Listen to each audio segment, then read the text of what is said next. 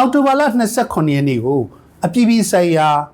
လွတ်လပ်စွာယုံကြည်ကိုးကွယ်ခွင့်နေ့လို့သတ်မှတ်ထားပါတယ်။ဘာကြောင့်လဲဆိုတော့လွတ်လပ်စွာယုံကြည်ကိုးကွယ်ခွင့်ဆိုတာလူတိုင်းလူတိုင်းအတွက်အခြေခံကြတဲ့အခွင့်အရေးတစ်ရပ်ဖြစ်ပါတယ်။ဒါအပြင်အပြည်ပြည်ဆိုင်ရာလူ့ခွေကြီးညာစာတမ်းအပိုက်78မှာလူတိုင်းကလွတ်လပ်စွာယုံကြည်ကိုးကွယ်ခွင့်ရှိတယ်။ကိုယ်ယုံကြည်တဲ့ဘာသာရေးကျင့်စဉ်တွေကိုကျင့်သုံးပိုင်ခွင့်ရှိတယ်။ ဆန္ဒပါလို့ရှိရင်ကိုးကွယ်ခွင့်ရှိတယ်လို့ဆန္ဒမပါရင်မကိုးကွယ်ခွင့်လည်းရှိပါတယ်။ဒါအပြင်ဘသူတဦးတယောက်ကိုမှဘာသာအတင်းကျပ်ကိုးကွယ်ခိုင်းခြင်းကုပြောင်းခိုင်းခြင်းမလုပ်ရဘူးလို့လည်းသတ်မှတ်ထားပါတယ်။ဒါကြောင့်မလို့ယုံကြည်ကိုးကွယ်ခွင့်ဆိုတဲ့လူရဲ့စိတ်ပိုင်းဆိုင်ရာ အပိုင်းတွေကိုခွင့်ပြုထားသလိုဘာသာရေးဆိုင်ရာပြုကျင့်မှုတွေအလေးအထတွေဒါတွေလှုပ်ဆောင်မှုတွေကိုလည်းခွင့်ပြုထားတဲ့အပြင်ပိုင်းဆိုင်ရာ လွတ်လပ်ခွင့်လေးရှိပါတယ်။ဒါပေမဲ့လွတ်လပ်စွာယုံကြည်ကိုးကွယ်ခွင့်ကိုအတိအမှန်မပြုတာတွေညှင်းပယ်တာတွေဒါနဲ့ပတ်သက်ပြီးတော့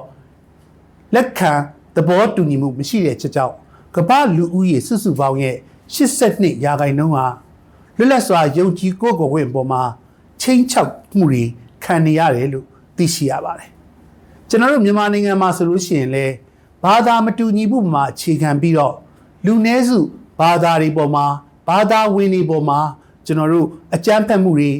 မနာလိုမှုတွေအတိမတ်မပြုမှုတွေရင်ဆိုင်ခဲ့ရတာစိတ်မကောင်းစရာတွေ့ရပါတယ်လွတ်လပ်စွာယုံကြည်ကိုယ်ကိုယ်ခွင့်ကိုကန့်တက်ပိတ်ပင်ချုပ်ချယ်မုန်းတီးမှုတွေရဲ့လုပ်ငန်းစဉ်တွေကြည့်မယ်ဆိုရင်တော့ဝါဒဖြတ်မှုတွေဒါနဲ့ပတ်သက်ပြီးတော့အစိုးရကိုယ်တိုင်ကဖြစ်ပါစေတခြားသောအင်အားကြီးတဲ့အင်အားစုတွေအစအုံတွေကဖြစ်ပါစေ ဒီဘာသာရေးတည်ရှိမှုကိုအတိမတ်မပြုတာတွေမုန်းတီအောင်လှုပ်ဆောင်တာတွေဥပဒေနဲ့စနစ်တကျကန့်တက်တဲ့အချက်တွေကြောင့်လွတ်လပ်စွာယုံကြည်ကိုးကွယ်ခွင့်ကို ထိခိုက်လာတာတွေ့ရပါတယ်။ဝါဒဖြတ်မှုတွေကိုအစဉ်အဆက်จิตသုံးလို့ရှိတဲ့အကြမ်းဖက်စစ်ကောင်စီစစ်တပ်ကနေ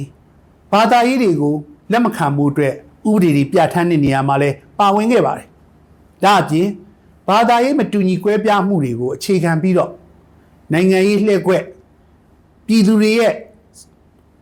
ဒီလူခွေချိုးပေါက်မှုပေါ်တွန်းလှန်လို့တဲ့စိတ်ဓာတ်ကိုအသွင်ကူးပြောင်းမှုအတွက်ဝါဒဖြန့်တဲ့နေရာမှာလဲအစင်ဆက်သုံးလို့ရှိပါတယ်။ဒါကြောင့်မလို့ပြည်သူတွေချားထဲမှာမတူညီတဲ့ဘာသာဝင်တွေနဲ့ပူးပေါင်းလှုပ်ဆောင်ရမှာလက်တွဲလှုပ်ဆောင်ရမှာကိုစိတ်မသက်မသာဖြစ်လာပါတယ်။ဒါအပြင်သူတို့တွေနဲ့အတူပါဝင်လက်တွဲမှုတွေကိုပိတ်ပင်မှုတွေရှိလာပါတယ်